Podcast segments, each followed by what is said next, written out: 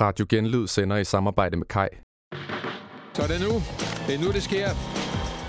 Det her er Gruppetto. Uh, her eksplosivt. Det er jo stor klasse. Sådan. Det er virkelig, virkelig kvalitet.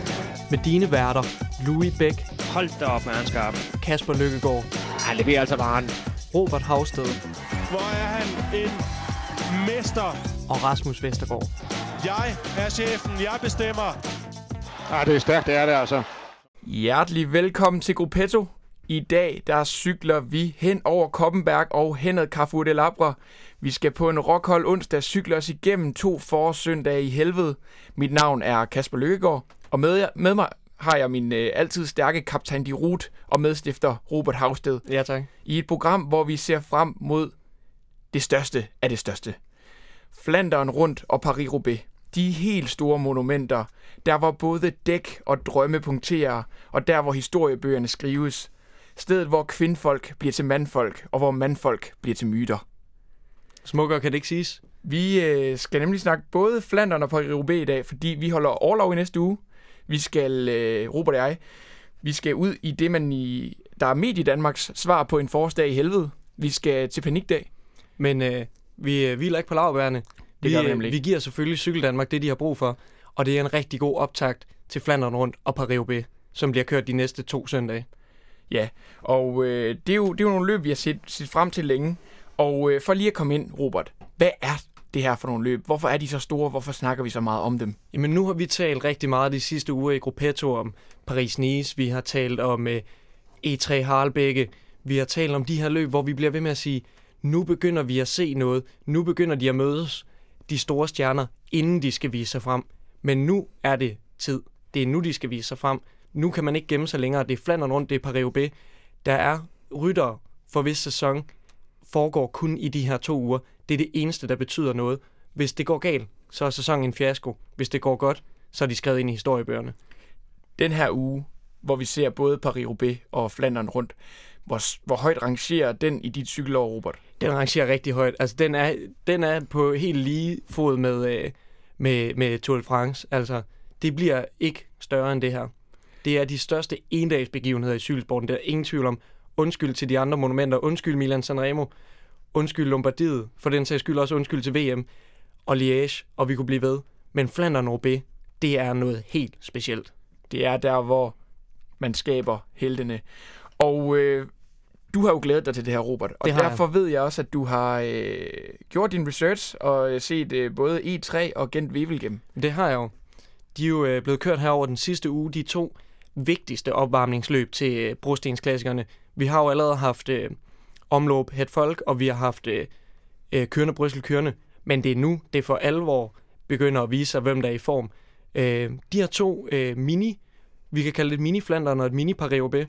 Øh, vi startede med E3 i øh, sidste weekend, hvor øh, Quickstep de kørte den ind med en ren pro-cycling manager-taktik.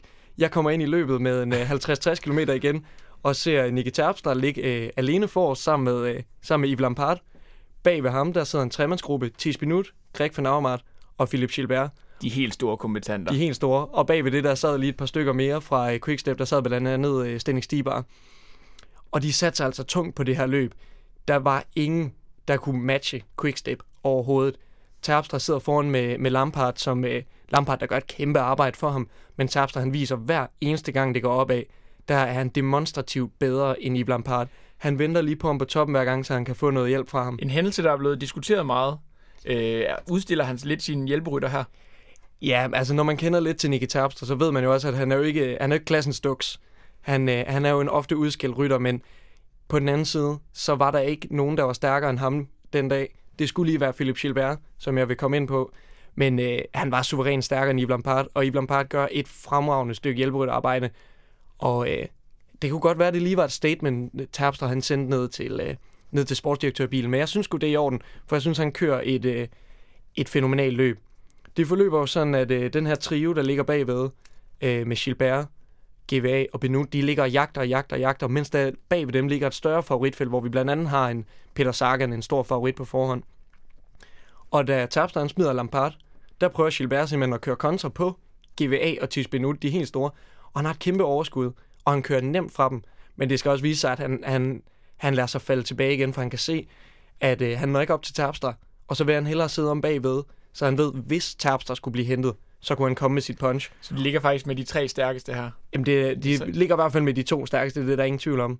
Og øh, Terpstra kører ind med, øh, med et lille halvt minut foran øh, favoritgruppen, som Gilbert vinder spurten i suverænt.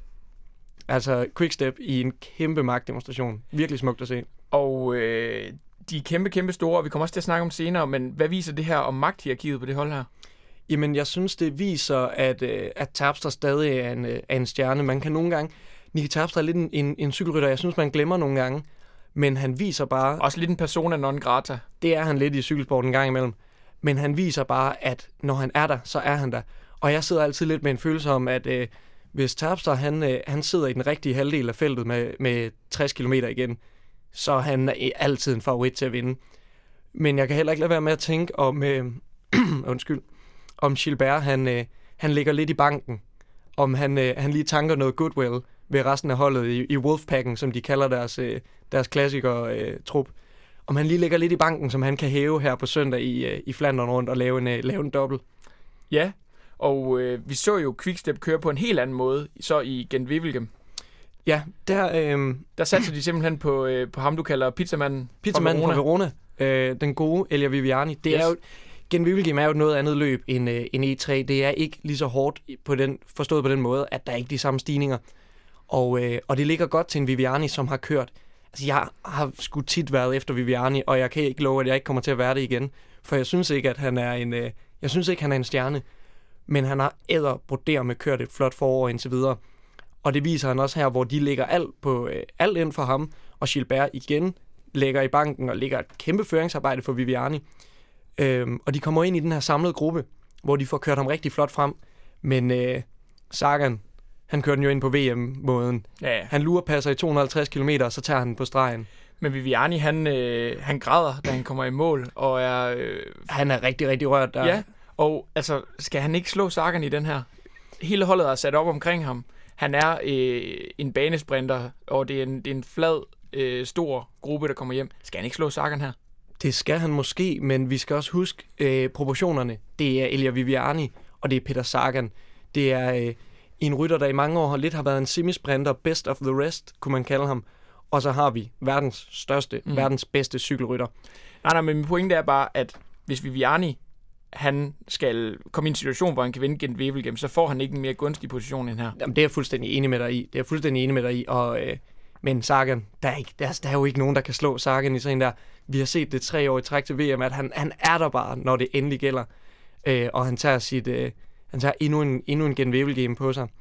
Men øh, det, det er gode takter for, for en masse spændende rytter.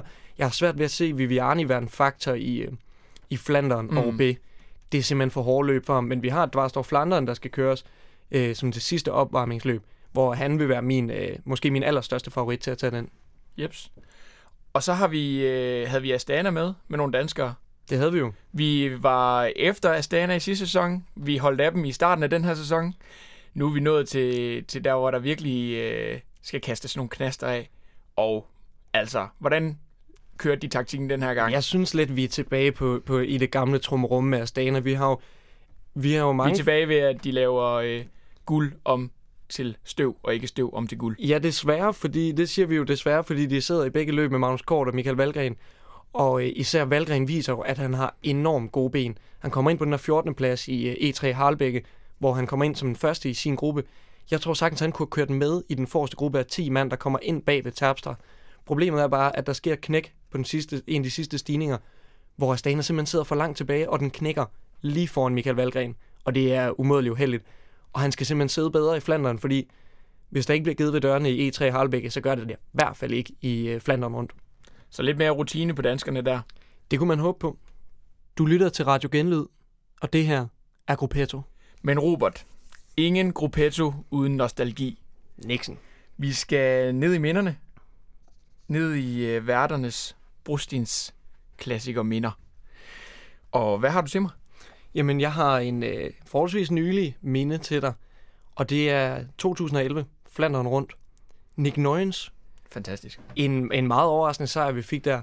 Og grunden til, at den sejr den er så speciel, det er jo fordi, det er jo år 0 efter det luxemburgske mytteri på det danske landshold, øh, Team Saxo Bank. Da Saxo Bank blev til Trek.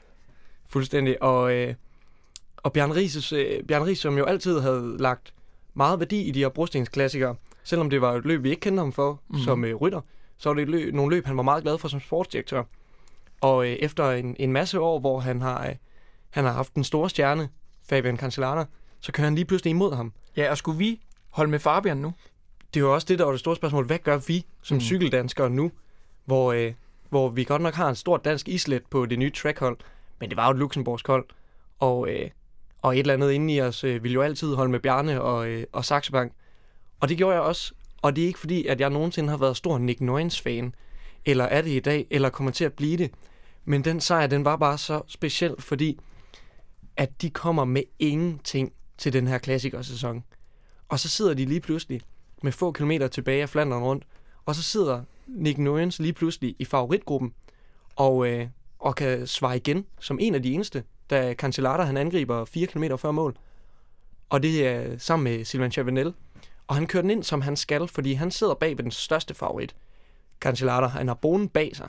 Cancellara kører jo alt, hvad rammer og tøj kan holde. Nick Nøgensen sætter sig på hjulet, de her 3-4 km, og så tager han ham på stregen med en kæmpe stor mellemfinger op i hovedet til, til Kim Andersen og, og Brian Nygaard og hele Luxembourg. Og hvad skal man sige? Jeg synes, den her sejr, den var rigtig, rigtig stor for mig, fordi det var det største visual proof af, hvad Bjarne han kan, vi nogensinde har set. Fordi han har haft pengene. Han har haft pengene på CSC og Saxo Bank og, og hentet stjernerytter efter stjernerytter ind. Men her, der viser han altså med en af de ringeste trupper i, øh, i hele løbet, at han kan vinde. Og der blev især efter øh, det luxemburgske mytteri så stor tvivl ved, hvem var det egentlig, der var, øh, hvem var det, der var rytternes øh, mentor? Hvem var det, der var den store strateg? Var det egentlig Kim Andersen? Var der mange, der begyndte at tale om? Øh, fordi det var ham, der tog de store stjerner med sig. Men Bjarne viser her, at øh, han kan lave støv til guld. Hvis du kan lave Nick Nuens til et monumentvinder i cykelsporten, Så skal øh, du udødeliggøres. så gør du noget rigtigt. Og så kan vi, vi kan jo godt lide, når underdoggen han vinder. Og i det her tilfælde en stor underdog i, øh, i Nick Nuens, som øh, aldrig før, aldrig siden har præsteret så stort. Men øh, jeg ved, du har noget andet, vi skal, vi skal forbi. Ja, det er, jo, det er jo så øh, interessant, når vi snakker mytteri, fordi øh, mit brostensminde, det er så netop Cancellara. Ja, tak. Øh, Han var også en stor rytter. fantastisk rytter, et af de største for mig, og han har taget de helt store sejre. og den her måde, han vandt de her løb på, det var, hvor han kørte langt udefra. Øhm, specielt kunne jeg lide den måde, han slår bonen i Flandern i 2010, hvor bonen står fuldstændig stille. Men det, jeg godt kan lide ved Cancellara, det var den arrogance, han vinder med. Han kører øh, i øh, 2010-udgaven af Paris-Roubaix, der kører han med 48 km til mål. Og han øger og øger, selvom de sidder en gruppe nede bagved, der kan arbejde sammen. Han var den største motor. Han kommer i mål, helt sort i ansigtet, helt støvet i ansigtet. Og det første, han gør efter at gå i mål, det er at gå ind i de her mytiske bade, modtager et håndklæde og siger, seriøst, kunne I ikke godt have brugt skyllemiddel, da I vaskede det? og det viser, at han er ikke bare et mandfolk, han er en gentleman-folk. Flot, øh, flot udtryk. Tak. Kæmpe mester. Ja. Ja. Stort paris og, og også en ting, som vi har talt om, er med til at gøre paris mytisk, det er, jo, øh, det er jo den måde, de kommer i mål på. Fuldstændig møvet ind i skidt og ravelse. Altså, det er jo stort. Det Ja, ser, og- altså, man kan virkelig se, at cykelrytter, det er altså mandfolk. Vi taler tit om det, når vi ser dem styrt. Vi snakker om Mark Cavendish styrt øh, for nylig, hvor han laver en, øh, en koldbøtte. Det er altså et mandfolk, der kører videre på den. Det er altså også, øh, det ser sgu sejt ud, når de kommer ind på den måde der. For mig der viser det to dele, nej tre dele af cykelsportens DNA. Et, vi holder ved traditionerne. Man bliver ved med at gå i de der totalt gamle bade.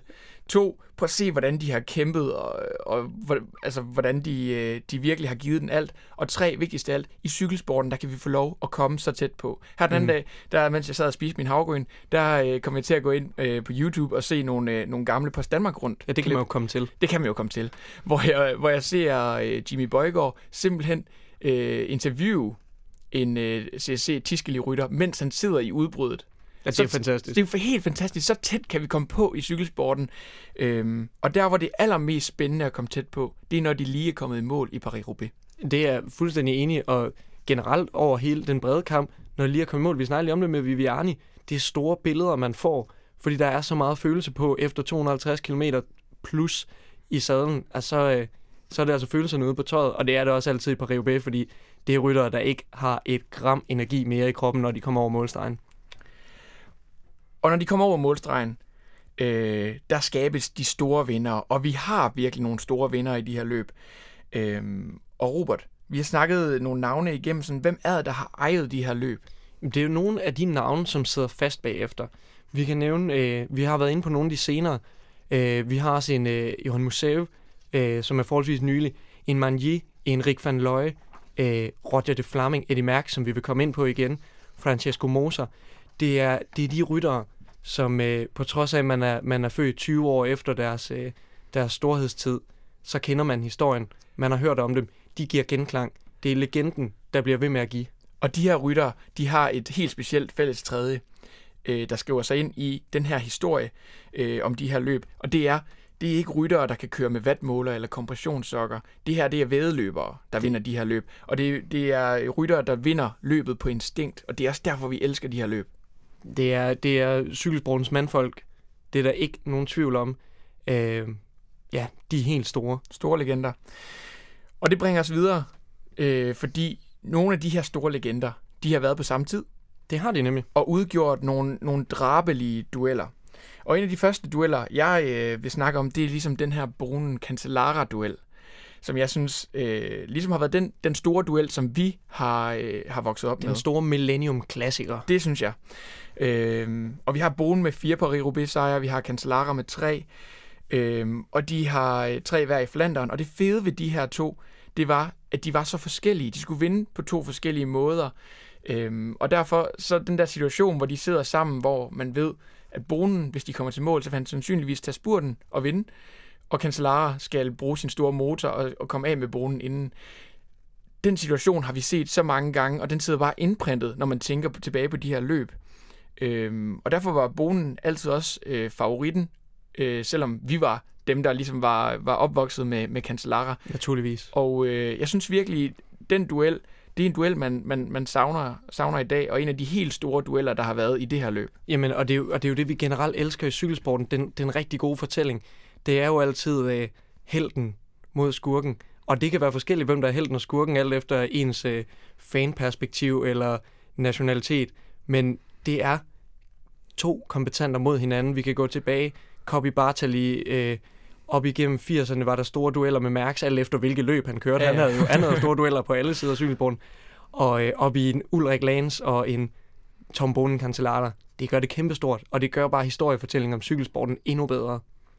Og øh, der har jeg taget fat i en, øh, i en af de helt store øh, historiske dueller i brostensklassikerne. Og det er jo øh, Eddie Merckx, alle tiders største cykelrytter, og Roger de Flaming, Mr. Paris-Roubaix, som han blev kaldt. De, øh, de havde rigtig mange head-to-head i øh, Paris-Roubaix, primært i Paris-Roubaix, men også i Flandern rundt. Og det starter i de Flamings første øh, Paris-Roubaix. Han er jo lige et par år yngre end Eddie Merckx, hvor øh, han kører for det her Flandria-hold, der har en simpelthen sådan godt hold med det år, hvor øh, de får kørt favoritgruppen ned til syv mand, hvor fire af dem sidder fra samme hold, fra, øh, fra det Flamings hold. Og øh, Eddie Max, mesternes mester, ej det er copy, kannibalen, den store mester, vi kan kalde ham alt muligt.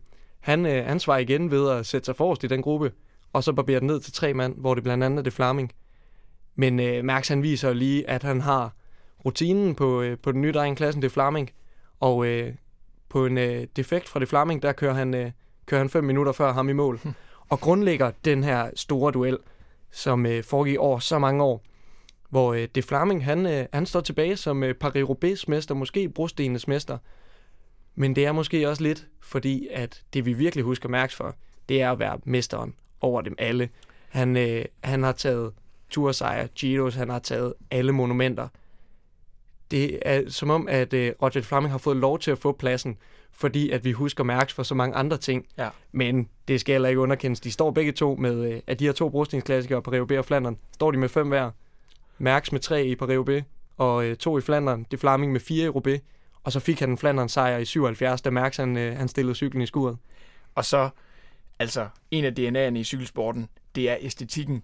Og øh, her har vi altså at gøre med Molteni-trøjen og Brooklyn-trøjen. Ja, og inden det Flandria-trøjen, som også var enormt Altså, flot. Jeg mente jo, jeg mener jo, man kunne tage Milano Sanremo og Lombardiet rundt, tage dem ud som monumenter, og så bare det at bære Molteni og Brooklyn-trøjen kunne være to monumenter i sig selv, fordi det var, de var så lians, øhm, og, og på den måde, så er de her billeder af de to bare indprintet. Vi ser det også i en forårsdag i helvede. Sindssygt En smukt. stor del af, af cykelsportens historiefortælling, det er jo, øh, det er jo, jeg omtaler nogle gange cyklingens guldalder, det vil der være nogen, der er uenige med, de vil mene det, det var dengang, man snakkede Kobi Bartali, men øh, nogle af de rytter, vi har i mærkstid, det er altså nogle af dem, vi altid vil huske, og især også på grund af, hvordan de så ud.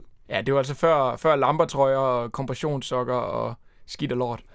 Og Freitagsbriller. Og Freitagsbrillen, præcis. Øhm, vi hopper lidt videre, Robert. Vi øh, skal nemlig op i tiden. Nu har vi haft de store dueller. Og noget, vi så skal dykke ned i. Hvad er den store duel i dag? Det er jo det store spørgsmål, fordi øh, vi kan nemt sige, hvad der har været før, men hvad er det i dag? Vi snakker lidt om, er det Peter Sagan, og mod hvem? Ja, fordi jeg mener jo, at øh, duellen i dag, det er Peter Sagan mod alle.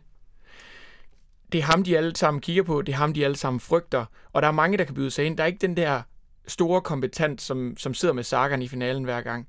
Det er alle mod Sagan. Fordi de ved, at han kan slå dem på stregen. Fordi de ved, at han har så kæmpestor en motor. Men det er jo sjovt, fordi at Sagan jo ikke har slået helt til i Flandern og Roubaix de seneste år. Han har kun vundet en Han har vundet en enkelt Flander, og det var det. Og så, øh, så dummer han sig øh, gevaldigt sidste år, øh, hvor han øh, kører ind i en tilskuer. Jeg tror stadig, der er lidt tvivl om, om det var en tilskuer eller en jakke, eller om det var en barriere, han kørte ind i. Men i hvert fald så dummer han sig i, i sin jagt på Gilbert, som han muligvis godt kunne have hentet der. Han, øh, han kørte meget, meget stærkt. Og det er der, vi kan være lidt uenige, fordi jeg mener jo ikke, at man kan dømme, øh, hvor stor en duel er på, på resultaterne. Duellen ser vi ligesom udspillet i, hvordan et øh, cykelløb bygges op, synes jeg. Og der kan man bare se, at de hver gang kun sidder og kigger på Sagan. Så ligegyldigt hvor meget han har vundet, så er det ham, de alle sammen ser som, som øh, øh, deres hovedkonkurrent. Det er i hvert fald dem, øh, ham, de alle sammen frygter. Men, men jeg synes bare stadig i dag, vi har kompetenter, der er, der er lige så dygtige som ham. Så ham GVA.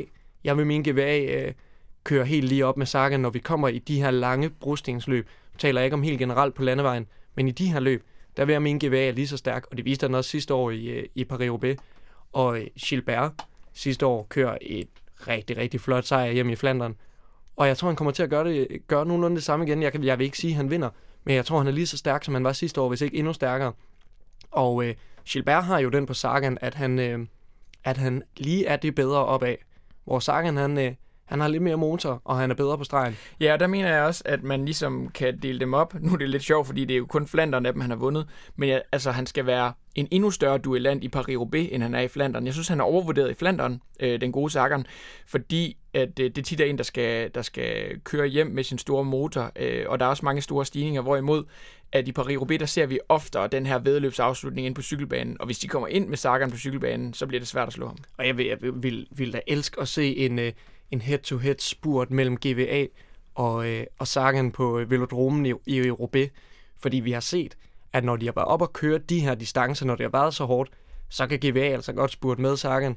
Og det, det kan, altså jeg håber lidt på, at den her duel, det, GVA og Sagan er jo stadig forholdsvis unge, i hvert fald når man taler cykelrytteralder, at, øh, at det, kan, det kan udvikle sig til at blive en af de der dueller, vi snakker om. Så det kan godt blive den næste store duellant. Det, øh, det håber jeg i hvert fald personligt på. Gruppettos top 3. Dagens top 3, den handler om de dumme danen. Danskervinklen, Danskervinklen. den skal altid. Og øh, danskerne har gjort det godt til tider i de her løb. Vi har øh, set en Lars Mikkelsen gøre det, gør det godt. Vi har set en Rolf Sørensen vinde Flanderen. Vi har set øh, øh, Lars Bak overraskende gøre det godt. Øhm, men danskerne har saftsus med også dummet sig i de her løb. Det har de. Og øh, derfor, så dagens top 3, den går ud til, øh, til de største, ja, hvad skal vi kalde det? De største fejl 40, danskerne har lavet. Fuldstændig. Øhm, og på tredjepladsen, der har vi Lars Mikkelsen, en gudsbenået brostensrytter, øh, og ganske overvurderet dansk øh, landevejsrytter, vil jeg mene. Han var ved at vinde i 2007, men punkterer tre gange og må lade Stuart O'Grady vinde. Han var simpelthen bare besat af uheld, og stadig den dag i dag ved jeg, at han ærger sig over, at det ikke blev til den sejr i 2007. Det var ikke så bizarre en måde at dumme sig på, det her med at punktere. Det er jo noget, der ofte ses i de her løb. Konstant. konstant. Altid en faktor. Men der har vi altså to andre, der, øh, der dummer sig på nogle ganske fænomenale måder. Det må man sige. Vi har på andenpladsen Lars Bak. Han er tæt på at vinde i 2011, bliver nummer 5, øh, og det er jo hans, hans flotteste resultat. Men det her det var en flot, et flot resultat, men et endnu mere mærkværdigt resultat, vil jeg sige, er, at han øh, i øh, Paris-Roubaix i 2014 styrter, 15. ja, 15 styrter, øh, præcis det samme sted, som han vælger at styrte, da de kører igennem der i turen, Året inden. året inden i 2014. Fuldstændig samme sving, han tager den i. Fuldstændig samme sted vælger han at styre på præcis den samme måde. Og han kører simpelthen en øh, ældre mand ned, der bare bliver liggende Han kører helt ind, stille på ja, jorden. intet ringer end tre mennesker for han med ned i sit styrt i, i Paris-Roubaix i 2015. Men ikke bare det at styrte er dumt og ærgerligt, men at gøre det præcis det samme sted, det er simpelthen så dumt, som noget kan være. Og specielt i Paris-Roubaix i 15, hvor det faktisk er et rigtig spændende moment, hvor, hvor han hvor Lotto, med 38 hjem. Lotto har taget fronten, og, øh, og han, øh, han har lige overtaget den fra Greibel og sætter ordentligt smadder på, og så rundt i svinget, og så skrider han ud. Det er præcis samme sted. En fejl, Rolf- en fejl er først dum, anden gang man laver den. Ja, det må man sige. Og som, som Rolf Sørensen siger i, i live-kommentatorsporet, nu burde han godt nok kende det sving efterhånden. Præcis. Men det er ikke så dumt. Vi har været øh, inde på det før, men det er, altså Lars Bak er dum, men det er ikke så dumt som Jesper Skiby, der jo øh, er lidt i økonomisk krise. Han, øh, førhen der havde man jo det på de store stigninger, på eksempelvis Koppenberg. Der var der øh, klassisk Schweizerfrank-system, hvor du får nogle, øh, nogle kleiner på, på toppen for, øh, for at være først over. Og det går han efter. Han går i et vanvittigt udbrud tidligt på etappen og kører alene op ad Koppenberg. Og øh, der er en bil, der ligesom er fanget mellem felt og mellem øh, Jesper Skiby, fordi han kører så langsomt. Og hvad gør, hvad gør bilen? Bilen er jo nødt til at prøve at overhale den gode Jesper Skiby, som jo står fuldstændig stille på vej ad Koppenberg. Slinger ud til siden i nærmest slow motion. Ja, og øh, ja, så kolliderer de. Og øh, den gode Jesper Skiby, han, øh, han vælter. Og det der, altså et er det bizart, han vælter, men han gør det op i Koppenberg, hvor du bare ikke kan komme i gang igen. Så der kommer en, en sød ældre herre og tager fat i hans cykel, og vi hjælper ham op. Ja, der er lidt tvivl om, om, om det, det er faktisk lidt svært at se, om han, øh, om han prøver at hjælpe ham op, eller om han prøver at stjæle Jesper Skibys cykel. Ja, det er rigtigt, fordi det, der sker, det er jo simpelthen, at Jesper Skiby, øh, fuldstændig rådvild og ude af den, som han er, ikke hopper op på cyklen, men ham her øh, fyr, der vil hjælpe ham, han begynder at løbe med cyklen, hvor efter Jesper Skiby bare tager fat i bagdækket og bliver tra- trukket op øh, løbende af en mand, der løber med hans cykel. Op ad bakke på brosten i cykelsko. Det ser fantastisk Det ud. er fantastiske billeder. Og da han så kommer op på toppen, der møder han jo så, der har han intet mere at skyde med. Og så møder han en journalist og spørger, hvad, kan jeg ikke bare køre med dig hjem? Og der sluttede hans Flandern rundt 1987. Det er også en mand, der kender sin besøgstid. Bare sige, ved du hvad, så var kan det. det sgu være lige meget. Så kan det være lige meget, ja. Og så er det jo bare en mand, der elskede de her, de her brosten. Han har engang udtalt om brosten i Paris-Roubaix. Jeg vidste godt, at vi skulle køre på brosten, men jeg vidste ikke, de havde kylet dem ned fra en helikopter. Ja, det er jo meget sigende. Meget sigende om, øh, om de her brosten, der ligger fuldstændig hulter til bulter. Du lytter til Radio Genlyd, og det her er Gruppetto. Flandern og Paris-Roubaix, Robert. Ja. Det er jo, øh, det er jo to specielle løb. Øhm, og i Gruppetto, der er vi jo gode til en gang imellem at have nogle, øh, nogle kantede holdninger. Fuldstændig. Det her det er det eneste, vi har.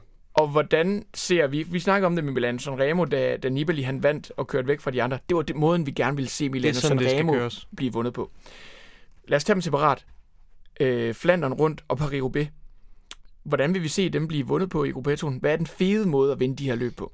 Jeg synes faktisk øh, helt simpelt, at øh, de eksempler, vi så i begge løb sidste år, det er den måde, jeg gerne ser de løb blive kørt på. Vi får... Øh, Noget med, at øh, for, forfølgerne de vælter i, et, øh, i, i en jakke. Måske ikke lige den del af det. ikke lige den del af det. Men, øh, men en rytter i Flandern, der tør at tage den langt udefra. Mm. Han kører øh, Gilbert sidste år med 55 km igen, så vidt jeg husker. Og øh, jeg sad selv, kom til tårne på tv, sad og sagde, det her, det er for langt ude. Han kommer ikke til at holde hele vejen hjem. Og det er jo en vanvittig jagt, han er ude i, for der er et langt, fladt stykke til sidst. Men han lykkes med det. Og det er bare fedt, den der intense jagt, der er mellem, øh, mellem ham og øh, først med Sagan bagefter med Nicky Terpstra og GBA, som ligger bag ham. Det er, det er en sindssyg spænding, hvor det bliver næsten helt enkeltstartsagtige, som i Lance Ulrik, hvor man kunne se hver sekund, der tippede fra Mm. side til side. Det synes jeg var en fed måde at køre det på. Breve B sidste år blev også kørt på en fed måde. Det, det var et løb, som der var mange, der prøvede at åbne udefra, hvilket jeg også til hver en tid vil hylde. Tony Martin og Sagan prøvede rigtig, rigtig langt udefra at se, om man kunne skabe et cykelløb. Det blev lidt neutraliseret af nogle tekniske problemer. Og vi får den her lille gruppe, der kører ind på øh, velodromen sammen, hvor der går fuldstændig taktik i den, og de ender med at blive, blive, øh, blive hentet bagfra af den næste gruppe, fordi det simpelthen står fuldstændig stille, fordi vi har Stibar og vi har, øh, vi har GBA, som begge to godt ved, at den anden er lynhurtig. Og så får vi det her helt vildt psykologiske spil mellem de forskellige rytter. Vi har nogen, der vi har tre rytter foran, der tror, de har skulle køre alene om det. Kommer der nogen bagfra op? Hvad har de i tanken? Og, øh, og GVA, der jo uden tvivl havde vist sig at være den stærkeste hele dagen, det var altså ham, der havde trukket hele vejen ind til velodromen. Og Stibar, han laver et antrit som skudt ud af en kanon, som GVA så svarer, til, svarer igen på, og kommer og tager den på stregen. Det, det spil inde på velodromen. Jeg elsker, når Paris bliver vundet på velodromen. Og det er nemlig det, de to løb skal vindes på to vidt forskellige måder, fordi der er bare ikke noget som et vedløb inde på sådan en velodrom der. det ser godt ud. Og især hvis de ikke sidder i en alt for stor gruppe, men de sidder mand mod mand. Det er lige netop det, vi gerne vil se, fordi der er vi tilbage ved de her store dueller. Jeg synes også, at John Degenkolb sejr for nogle år siden er helt klart værd at hive frem også, hvor han tager en, 2014 hvor han tager en rigtig flot spurt på, øh, 15, tror jeg. hvor han tager en rigtig flot spurt på, øh, inde på velodromen. Det ser sgu godt ud. Det kan vi godt lide. Lige præcis. Øhm, også fordi John Degenkolb i den her udgave er den, de alle sammen sidder og kigger på. At han sidder og holder det sammen hele dagen. Ja, og så det slår bliver, han dem. bliver også spændende at se, om han er tilbage i år. Det kommer vi lidt ind på, når vi skal ind på nogle favoritter senere. Om han kommer til at øh, kunne, øh, kunne komme tilbage med det, han var engang. Fordi han er sådan en rytter, man ikke har lyst til at have med hjem på velodromen. Ligesom Peter Sagan. Altså, hvis du har ham med hjem, så bliver det rigtig svært at slå ham. Og så, øh, Robert, det her det kan næsten blive blasfemisk, fordi det her det er så store mo- monumenter, vi er så glade for, at vi næsten ikke kan sidestille dem med andet, an- med andet eller sammenligne dem med noget andet. Men alligevel, hvis vi skal tage den. Flanderen eller paris hvad er det fedeste løb? Det fedeste løb. Nu skal vi ikke snakke om, hvad der er størst eller mest mytologisk, eller det ene eller det andet. Jeg kan bedst lide, fra et underholdningsperspektiv, Flanderen rundt. Og jeg tager ikke noget som helst fra paris fordi det er måske nummer to på listen. Men Flandern rundt, Ud af de to. ud af de to, nej, ud af, ud af alle endags cykelløb, der er det nummer et og to, uden tvivl. Men Flandern har, øh, Flandern har stigningerne, som er en, en ekstra faktor. De har altså heller ikke, de, overhovedet ikke lige så hårde brostenspavéer, som man har i Paris-Roubaix. De er, de er ikke lige så lange, og der er ikke lige så kæmpe store og mærkeligt kantede brosten, som Jesper Skiby kalder, kald, kalder øh, kastet ned fra en helikopter. Men den, de har de her, øh, de her stigninger, som, kan, som giver løbet en ekstra dimension, som jeg synes er, er umådeligt underholdende. Men jeg Ja, ved, du er uenig med Jeg er mig. uenig. Jeg mener, at Paris-Roubaix er den største, og jeg ved godt, at det handler meget om mytologien, og det handler også meget om, om Danmark, fordi i Danmark, der, øh, der på grund af en forårsdag i helvede, øh, Jørgen Lets øh, film der, øh, så har vi en tendens til virkelig at favorisere øh, Paris-Roubaix.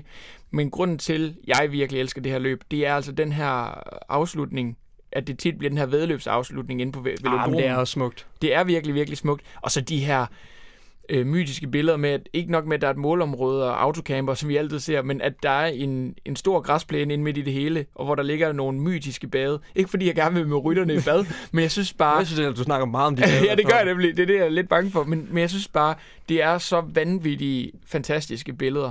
Og så tror jeg også, der ligger noget i det her med, at Flandern ligger før Paris-Roubaix. For danskerne er der lige 2,5 3% grad af opvarmning til Paris-Roubaix for Jamen, det er uden tvivl en faktor Og, og det er jo en dansk misforståelse, mener jeg. Men alligevel, det er lidt den øh, opfattelse, vi har i Danmark. Men der er vel ingen tvivl om, at i cykelprestigen rangerer Paris-Roubaix også stadig højere end, end Flandern. Men det, det er stadig to løb, som, som på trods af at være så ens og er kategoriseret meget ens, så er det to meget forskellige løb, som, øh, som giver to vidt forskellige ting. Men ja, det er meget svært at vælge, hvad for en vi helst vil have. Præcis. Jeg vil gerne have begge to, lad Ja. mig sige sådan. Lad os tage dem begge. Du lytter til Radio Genlyd, og det her er Gruppetto. I Gruppetto, der finder vi jo altid Gruppettos ven. Vi har store navne derinde allerede. Og små navne. Og små navne. Kan vi nævne nogle af dem? En Cedric Vasseur, Vi har en Cedric Vasseur, vi har en Ricardo Rico, Jakob Piel, og vi kunne blive ved. Jesus Hernandez. Jesus Hernandez, Alessandro Petacchi. Og, øh, og de er jo ligesom valgt øh, som Gruppettos venner af både savlige og usaglige grunde. Rytter, vi af urensagelige årsager virkelig, virkelig godt kan lide. Rytter, vi, øh, rytter, vi holder af, og rytter, som vi øh, enten har lyst til at hylde lidt mere, end vi allerede har gjort, eller har lyst til at kommentere for, at vi ikke får hyldet dem nok i programmet. Præcis. Og i dag, Robert, der skal vi også have en Gruppettos ven. Vi skal have en brostensven. Vi skal have en brostensven. Og hvem skal det være? Jamen, øh, vi kan jo godt lide her i Gruppetto at køre den ind med danskervinklen. Yes. Øh, Det er lidt svært. det er lidt svært, og, øh, og vi, øh, det kunne også godt klæde os at give lidt igen til vores øh, nordiske broderfolk. Og derfor synes jeg, vi skal hive fat i en svensker, som har øh, hævet resultater hjem i brostensklassikerne, og det er selvfølgelig Magnus Bakstedt. En stor rytter, der har båret de mest fantastiske cykeltrøjer i årets løb. I årenes løb. Team Fakta. Bianchi. Fantastisk Fra rytter. den ene yderlighed til den Fra den anden. ene yderlighed til den anden. Og øh, en sand verdensmand, der i dag øh, lever af at være kommentator. fantastisk cykelkommentator på, øh, på britisk Eurosport. Med en, øh, han sidder jo sammen med Sean Kelly, og det er svært at finde ud af, hvem der har den tykkeste accent af de to. Han, øh, han er også britisk øh, gift, Magnus. Bakstedt skal det siges, men han har en super delikat øh, britisk accent på hans øh, ellers svenske engelsk. Og Øh. driver et øh, kaffefirma. Altså han er, en, han er en fyr, man gerne øh, vil tilbringe et par timer med. Magnus Maximus Coffee. Præcis. Så det bliver ikke bedre. Og så har han jo vundet. Det Så har han jo lige- vundet Paris Og det skal vi lige huske. Og øh, det er mig bekendt den eneste Paris-Roubaix-vinder, der har kørt på Team Factor. Han kørte der ikke samtidig. Nej. Men jeg tror, han er den eneste, der har det på palmareret. Fantastisk. Så øh, Gruppettos ven, han kommer op i løbet af et par dage. Øh, den gode Magnus Bakstedt. Øhm, Robert, nu Ja. øh, skal vi øh, igen lidt op i aktualiteten. Og vi skal øh, snakke lidt om favoritter. Og øh, i dag der handler det jo både Paris-Roubaix og Flandern rundt. Men i lige her, det her segment kommer det måske til at handle lidt med en overvægt om Flandern rundt, fordi det er der, vi har en startliste. Vi har den komplette startliste. Jeg lover, vi skal nok komme ind på nogle favoritter til Roubaix. Vi skal også komme ind på nogle oddsforslag til Paris-Roubaix. Men øh, den forløbige øh, startliste til Paris-Roubaix er lidt tynd lige nu. Men vi kommer ind på det. Og øh, jeg vil starte med at køre den ind med danskervinklen. Vi, Som altid. Øh, som altid. Vi har øh, nogle spændende øh, danskere, der skal med her. Vi har på Trek, der har vi Mads Pedersen med. Meget spændende. Meget spændende, og spændende at se, hvilken rolle han får. Han kører jo på hold med Jasper Støjvind og John Degenkolb. Øhm, så d- der skal nok arbejdes. Det skal der helt sikkert. Øh, han kommer til, specielt i Flandern, at ligge som en, øh, som en hjælper for, øh, for Jasper Støjven. Det tror jeg ikke, der kan være nogen tvivl om. Men han bliver især rigtig spændende at se, når vi kommer en uge længere frem på Roubaix, som han jo har vundet øh, juniorudgaven af. Og så skal, han skal vise i år, øh, og i løbet af de kommende år skal han vise, at han er en, man skal satse på i den her type løb. Lige præcis, at han skal jo vise Trek, at, øh, at det bliver ham. At han er en, der kan komme til at vinde en gang. Og det, øh, det er jo det, han allerede skal lægge fundamentet til nu. Så har vi jo selvfølgelig altid gode Astana. Og der har vi jo Magnus Kort med og Michael Valgren med. Hvad forventer vi altså dem? Øh, jamen lad mig starte med Magnus Kort. Han forventer jeg mig ikke alverden af. øh, specielt ikke i Flandern. Jeg tror simpelthen, det, det går for meget op og ned for ham. Øh, men Paris kunne jeg godt se ham en dag kunne blive en faktor i. Men han mangler stadig noget robusthed. Han manglede robusthed, han manglede rutine. Jeg tror, for nu er han stadig... Øh, han er stadig ikke ja, robust nok. Han har ikke erfaring. Og guderne skal vide, at både Paris-Roubaix og Flandern rundt er 3-4 timers lang placeringskamp. Det er det nemlig. Og, der det, har han ikke, øh, det er ikke en af hans spidskompetencer endnu. Nej, han er jo, altså, han har jo vist sig, især i Vueltaen for et par år siden, at han er rigtig god på de sidste kilometer til at placere sig. Men det lange placeringsløb, vi så det i E3, hvor det kigger fuldstændig fra Astana. Der, altså Paris der skal man sidde forrest hele tiden. Og omvendt, så har vi så set en Michael Valgren være fremragende kørende. Øhm, Ja, han vinder jo allerede, øh, allerede for, for nogle uger siden øh, Folk. omløb Het Folk, som jo i, den grad sætter nogle forventninger til, at han kunne gøre det rigtig godt. Ja, og på det her Astana-hold, der er det også lidt spændende, hvor højt han rangerer den gode Michael Valgren. Der er jo ingen tvivl om, at et folk måske har, har løftet ham lidt i forhold til, øh, til hierarkiet. Øhm, Uden tvivl. Og jeg, men de har jo også en Lutsenko med, en Oscar Gatto med.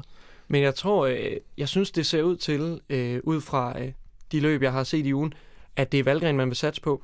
Og øh, øh, Flandern rundt er et løb, der ligger godt til Michael Valgren. Ligger langt bedre til ham, end øh, Paris-Roubaix vil gøre. Meget bedre. Der er de her stigninger, hvor han kan gøre en forskel. Og øh, som jeg også var inde på tidligere, i E3 var han altså rigtig godt kørende. Det er en taktisk fejl, at han ikke sidder med i frontgruppen. Men han kører altså fra sin gruppe hen mod målstregen og snupper en 14. plads og viser, at jeg er altså, hvor jeg skal være. Og kan han holde sig det rigtige sted i, i Flandern rundt, så, så tror jeg på en topplacering til Michael Valgren. Og så ser vi, øh, der skal være 10 grader, en lille smule regn og en lille smule vind.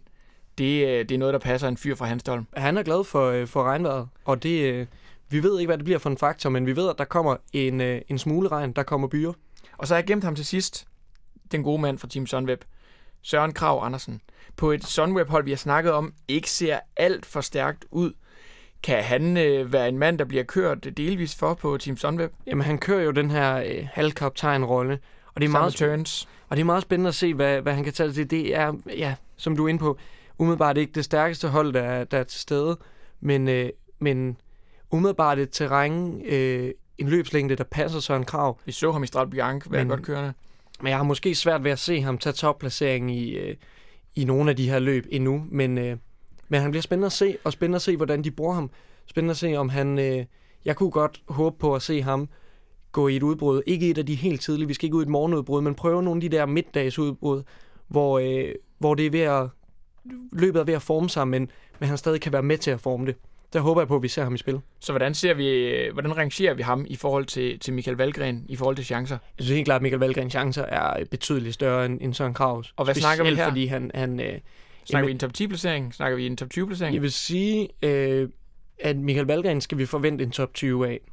Og, Okay. øh, og en top 10 vil være stort. Jeg forventer ikke, at vi skal se ham øh, i top 5. En top 10 vil være en rigtig flot placering.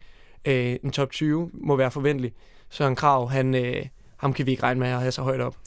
Og så har vi til sidst, han plejer at være den største, man snakker om, øh, og første, man snakker om, når det kommer til brostensklassikerne, Matti Bracel. Men i år, der kører han på hold med Sepp van Marke, Sebastian Langevel, Sascha Modolo, Fini, store navne mm. på det her område, og som har vist sig og gjort sig inden for de sidste fem år, hvilket Matti Bracel han ikke rigtig har. Hvad forventer vi os? Jeg forventer mig ikke meget af Mads Marcel. Øh, måske en smule i Paris hvor han øh, jo tit har vist sig bedre end i Flandern rundt. Men, men han kører også på hold med Sepp van Marke, som du er inde på. Den, øh, den evige uheldige mand i, Ja, øh, pokker. i, øh, i, i brostensklassikerne. En, en mand, der på trods af at køre en meget grim trøje, er en, jeg virkelig under en sejr i, øh, i en af de her store brostensklassikere snart. Det er ikke sikkert, det kommer i år, men han, øh, han er der altid, og øh, det er spændende at se. Så har vi en Sascha Modolo, der er et Spændende. total wildcard, når vi snakker Flandern rundt, fordi han, øh, han, bliver, han kommer jo i top 6 sidste år, bliver 6'er, Ja. og så øh, kommer han ind på sidste pladsen af de, øh, af de, øh, af de rytter, der gennemførte E3 Harlebække. Jeg tror ikke, vi skal forvente os meget af ham. Jeg tror, vi skal forvente, at, øh, at Matti er over ham i hierarkiet. Men Mattis arbejde, det skal ligge for Sepp van Marke, fordi det er målet på det her hold, det er at få den klassiker sejr til Sepp van Marke. Præcis. Det var danske vinklen. Men vi har også, vi har været lidt inde på dem, men vi har de helt store favoritter, Robert. Vi har øh, en Sagan med, vi har en Gilbert, vi har en GVA, en Oliver Narsen, Tis Benot. Dem alle sammen, de helt store. Hvad, hvordan ligger magthierarkiet? Altså, hvem er det, man ligesom øh, skal forvente sig aller, allermest af? Og hvem er det, de i en finale vil sidde og kigge på? Vi har været inde på Sagan, men hvem er ellers de helt store? Vi har lidt været inde på hele den trio, at det er Sagan, Gilbert og GVA, Greg van Avermaet. Jeg tror, det er de tre, man kommer til at kigge aller, allermest på. Øhm, og en mand, man slet ikke må undervurdere, når vi taler der, det er Nicky Terpstra, som kører en top 3 sidste år i Flandern rundt, kører rigtig flot E3. Øhm, og det ved jeg, vi kommer ind på igen. Quickstep har nogle... Jamen lad os, lad os bare hoppe videre til den. Altså, kan Quickstep være for stort et hold det kan det her? De har et fuldstændig vanvittigt hold med Gilbert, Lampard, Kajse, Stibar, Terpstra. Altså, Ja. kan, kan, det, kan der ligge så meget pres på dem? Kan, der, altså det, kan det blive lidt ligesom italienerne under VM, hvor alle sidder og venter på, at de øh, sidder og orkestrerer løbet og skal hive alting ind? De kan helt sikkert komme til at, øh, at spænde ben for sig selv.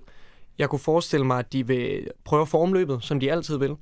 Og øh, ender de med at gøre det i en situation, hvor de prøver at få en mand ud som en forpost, så kan der jo ske det, at de kommer til at, øh, at fælde en af deres, øh, en af deres andre favoritter. Vi ser det en lille smule i, øh, i Gent Game, hvor Gilbert uden tvivl er stærk, men de kører det hele ind for Viviani, og, øh, og han ender med at blive slået på stregen af Sagan. Det er jo ikke det scenarie, vi ser i Flandern, men øh, Gilbert kan stadig ende med at blive fanget lidt i en rolle, hvor han egentlig sidder et sted med rigtig gode ben, men simpelthen ikke kan komme afsted, fordi der sidder en Yves Lampard, en Nicky Terpstra, en Stenik Stibar et eller andet sted. Eller at Gilbert bliver tvunget til, hvis vi forestiller os en mindre gruppe, hvor han bliver tvunget til at ligge og trække for en Stibar, som har en, øh, en super skarp afslutning. Det er også en, en, en mulighed, at det kan ske. Men stadig, Gilbert er for mig den største favorit til at vinde. Foran Sagan og GVA. Og så er der de her forskellige ubeskrevne blade. øh, som vi ikke helt ved, hvor vi skal placere hen. Vi har en Kristoff, vundet Spændende. før, Mm. men det er sgu svært at se, hvor han er hen formmæssigt. Og jeg synes ikke, han har jo ikke rigtig slået til, siden han vandt Flandern rundt. Og så er der, der, der er et par andre hold, vi skal omkring, og der er et hold, jeg især gerne vil smide ind i tørretumbleren her. Bahrain Merida. De, Der, er, der er et navn, der... der er et navn, der stikker fuldstændig ud på den her startliste, og det er Hein fra Messina, Vincenzo Nibali. Vincenzo Nibali. Hvad sker der? Altså, jeg troede Han faktisk... skal køre Flanderen. Jeg troede, det var en fejl, da jeg først så det. Meget, meget spændende, spændende udmelding fra ham at sige, nu vil han prøve det her. Jeg, jeg bliver mere og mere vild med den mand. For Jamen, en man mand, kan ikke andet. der er så ydmyg over for cykelsportens øh, monumenter, ydmyg over for, øh, over for, hvad man kan nå i historiemæssigt. Han er ikke bare... Vi, I sidste afsnit, der snakkede vi meget om Jürgen van den Broek, hvor sur vi var over det der med bare at være tilfreds med en udmærket Grand Tour-placering. Mm. Her der er det altså en mand, der jagter alt, hvad der jagtes kan. Og hvis han vinder Flandern, så vinder han altså tre monumenter i streg. Hvem havde set det for et år siden? Det er Vincenzo Nibali. Jamen, det er spændende at se, hvilken rolle han, øh, han kommer til at spille på det her hold. Vi så ham jo i 14 øh, i Tour de France, hvor der er den her Paris-Roubaix-ish øh, etape. Jeg har sgu svært ved at se ham, øh, se ham lave det helt store ballade i, i Flandern rundt. Men jeg synes, det er en sindssygt spændende udmelding. Øh, og, og der er ingen tvivl om, han, han om ikke andet kan være en kæmpe faktor for en Sonny Colbrelli, Præcis. som bliver 10 sidste år, som er øh, bumstærk og en sindssygt skarp afslutter. Kommer han hjem i en lille gruppe, så er han altså også en af dem, man skal holde øje med. Specielt i Paris-Roubaix. Spe- specielt i paris hvor, hvor vi jo ikke forventer, dog ikke forventer, at Nibali kører. Men man kan sige, at Flandern øh, vil jo nok også i høj grad være et øh, opvarmningsløb for Nibali, som øh, utvivlsomt har et stort mål i Liège-Bastogne-Liège i år. Og en mand, som bare er blevet en vedløber.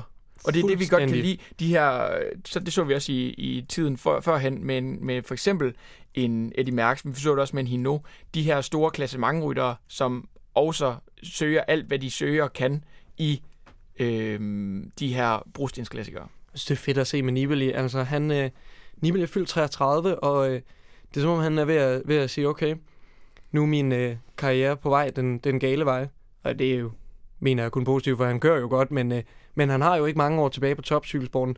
Og det er sgu meget sjovt at se en rytter som ham prøve sig lidt af i, Ja, øh, i nogle andre type løb, og, øh, og ikke holde sig til det typecast, han har været hele sin karriere. Han har fundet sin anden ungdom. Fuldstændig.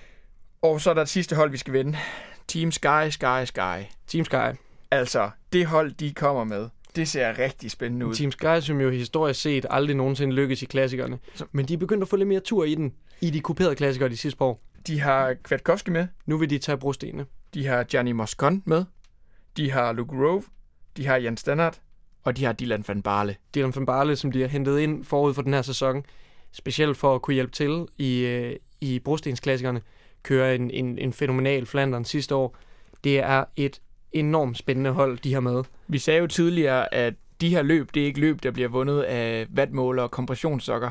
Hvis der er et hold, der er vatmåler og kompressionssokker, så er det nok Sky. Men hvis du har udvalgt de skyrytter, der Som er, ikke mindst, er- ja, som er er, mindst vatmål og kompressionssokker, så vil jeg i hvert fald sætte uh, Michael Kwiatkowski og Gianni Moscon ret højt på den liste. Helt sikkert. To ægte vedløbere.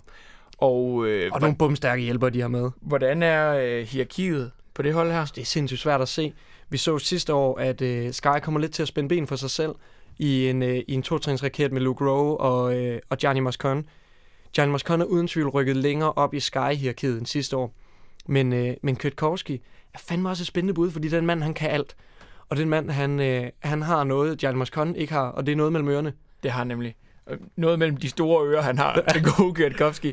Han er nemlig en utrolig klog rytter, og er det ligesom det, der gør, at, øh, at man skal køre for ham frem for Moscon? Vi har set Moscon før være, placere sig forkert, tog nogle dumme beslutninger til VM, tog en dum beslutning her i det seneste løb. Jeg synes, øh, jeg synes, at for en gang skyld, så skal man lade Sky tage lidt et bagsæde på den her, fordi på trods af, at vi siger, at det er et stærkt hold, de har med, og det er nogle store navne, så er det, så er det sådan lidt nogle best of the rest navne, der ligger lige under de allerbedste, og det er et hold, der stadig øh, rangerer under Quickstep. Men det er også Så derfor, jeg vi... synes, de skal lade løbet forme sig omkring sig, og så se, hvad det er for nogle kort, de har at spille på. Fordi øh, at øh, Moscon, han, øh, han har nogle kvaliteter, han har noget, han har noget motor, Kwiatkowski har noget eksplosivitet, de har nogle forskellige kort at spille på. Og så et hold, der ligesom i den her regi har alt at vinde, og det er interessant at se Sky i den position. Fuldstændig, men de bevæger sig længere, tættere og tættere på og har alt at tabe, sådan som de bygger det her hold op. De har, fået, de har haft Luke Rowe og Ian Stannard i mange år, så de hentede Christian Knes ind for et par år siden som hjælperytter, der også er, er en super stærk rytter. Og, øh, og så Dylan van Barle nu, og så den her ri- rising superstar Gianni Moscon, som på et eller andet tidspunkt også skal bevise sig. Kommer skydende som en ordentlig Moscon Ah, men altså, han, er, han kan blive stor. Men vi har snakket om det ofte allerede den her sæson i Gruppetto. Hvad, hvad bliver Gianni Moscon? Fordi Han kan det hele lige det nu. ser ud som om, at han kan blive lige den cykelrytter, han har lyst til at blive. Men han skal også finde ud af det lige nu. Lige præcis, fordi det går ikke, at man, det kan man jo, der kunne man jo tage fat i en Michael Kwiatkowski, der brugte rigtig mange år af sin karriere på at finde ud af, hvad han er for en rytter. Og, Og stadig og det det, at han stiller op i Flandern rundt i år, det vidner måske om, han stadig ikke helt har fundet ud af, hvad det er, han er for en rytter. Og så Robert. En sidste spændende ting omkring alt det her. Jeg har fået 900 kroner tilbage i skat. Og du er jo Gruppettos oddsmand nummer et. Jamen, det, det er jeg glad for, at du siger. De her 912 kroner, jeg har fået tilbage. Hvad skal jeg skyde dem efter? Jamen, jeg har, øh, jeg har boblet lidt med nogle forskellige, øh, nogle forskellige odds, og øh, en, jeg synes er rigtig interessant, det er at skyde øh, Sonny Colbrelli af til Flandern rundt. Ja. Vi har jo snakket om, at Paris-Roubaix ligger bedre til ham. Ja, men øh, jeg tror, at, øh, at hvis, han, øh, hvis han kan holde sig til, og der kommer en lidt mindre gruppe ind sammen, så er han et, et skarpt bud, og som sagt, så kører han jo en 10. plads sidste år. Øh, han, giver, han giver øh, 19 gange mønten igen. Det er ikke dårligt. Hvis vi lige skal blive i øh, Gianni Moscon, som vi lige var inde på, så kan du også få et, øh, få et rigtig flot øh, pengegang igen på, øh, på ham i øh, Paris-Roubaix, vælger jeg så ham til nu her. Mm. Det er 19 gange igen. Det er, øh, det er nogle bud, der har, øh, der har penge på sig. Men vi skal jo selvfølgelig også ned og være lidt mere realistiske. Og der vil jeg sige øh, en øh, Philip Gilbert til 7,5 gange pengene igen i Flandern rundt. Det er god mønt for en mand, der for mig at se er i hvert fald lige så stor favorit som GVA og øh, Peter Sagan. Jeg har jo fire navne til at stå her, som vi ikke har nævnt, og som jeg har overvejet at spille på. Trentin, Tony, Martin, Thies, Benot, manden, der øh, cykler i bare ærmer ligegyldigt, hvordan vejret er. Og til sidst, manden i Eurosport insisterer på at kalde Oliver Næsen. Oliver Næsen. Det er nogle frække bud. Øh, Tis Binut i Flandern rundt er et rigtig fedt bud, synes jeg. Det, det giver også en, øh, en udmærket mønt med, øh, med 12 gange igen. Øh, Oliver Narsen kan du få 17 gange igen på. Tony Martin har jeg virkelig, virkelig svært ved at se. Jeg ved godt, han, han er i gang med den her omlægning, som han har været i et par år, og han øh, viser frem sidste år lidt længere udefra. Men jeg har sgu svært ved at se ham tage den der store sejr. Men til gengæld, hvis du tror på det, så kan du få pengene 67 gange igen på, at han tager på Rio Det kunne altså være lækkert på de, på de, de 912 kroner. Og så er der endnu et, øh, hvis vi lige skal runde en sidste, et rigtig frækt ubeskrevet blad, øh, når vi i hvert fald snakker landevejscykling, som man kunne prøve at smide ind. Det er jo en Wout van Aert, Ja. som øh, Cykelcrossmanden, cykelcrossmanden, der kan køre så Som- langsomt, at han vælter. og ikke kan hoppe op på en cykel bagefter. Det er øh, en rytter, som øh, er meget spændende at finde ud af. Hvad, hvad skal han blive for en landevejsrytter? Øhm, Og hvad giver han? jamen, du kan få 21 gange igen på ham i øh, Flandern rundt. Jeg tror mere på ham i Flandern, end jeg gør i Paris-Roubaix. Det vil sige, at jeg kan få mine øh, 912 kroner lavet om til 19, øh, 19, 19.152 kroner. Og det er jo ikke det nogen- er at lave støv om til guld. det er at lave støv om til guld, men øh, jeg vil sige, hvis vi skal komme med den endelige, den der giver den gode mønt, så, øh, så skal den hedde øh, Tispinut, og øh, til Flandern, Gianni Moscon til, øh, til Paris-Roubaix i et øh, samlet odds. Kør dem begge to ind, 180 gange pengene igen. Så jeg siger, hvis du smider 900 kroner på den, så, øh, så er børneopsparingen sikret. Og vi skal lige sige, hvis I fnyser, fnyser derude over det her fuldstændig vanvittige kombinerede odds, så var det jo sidste år, at Robert han simpelthen ramte en kombineret Paris-Roubaix og øh, Flandern rundt sejr Det er overhovedet ikke umuligt. Det er set før. til odds. Mm, rigtig mange gange igen.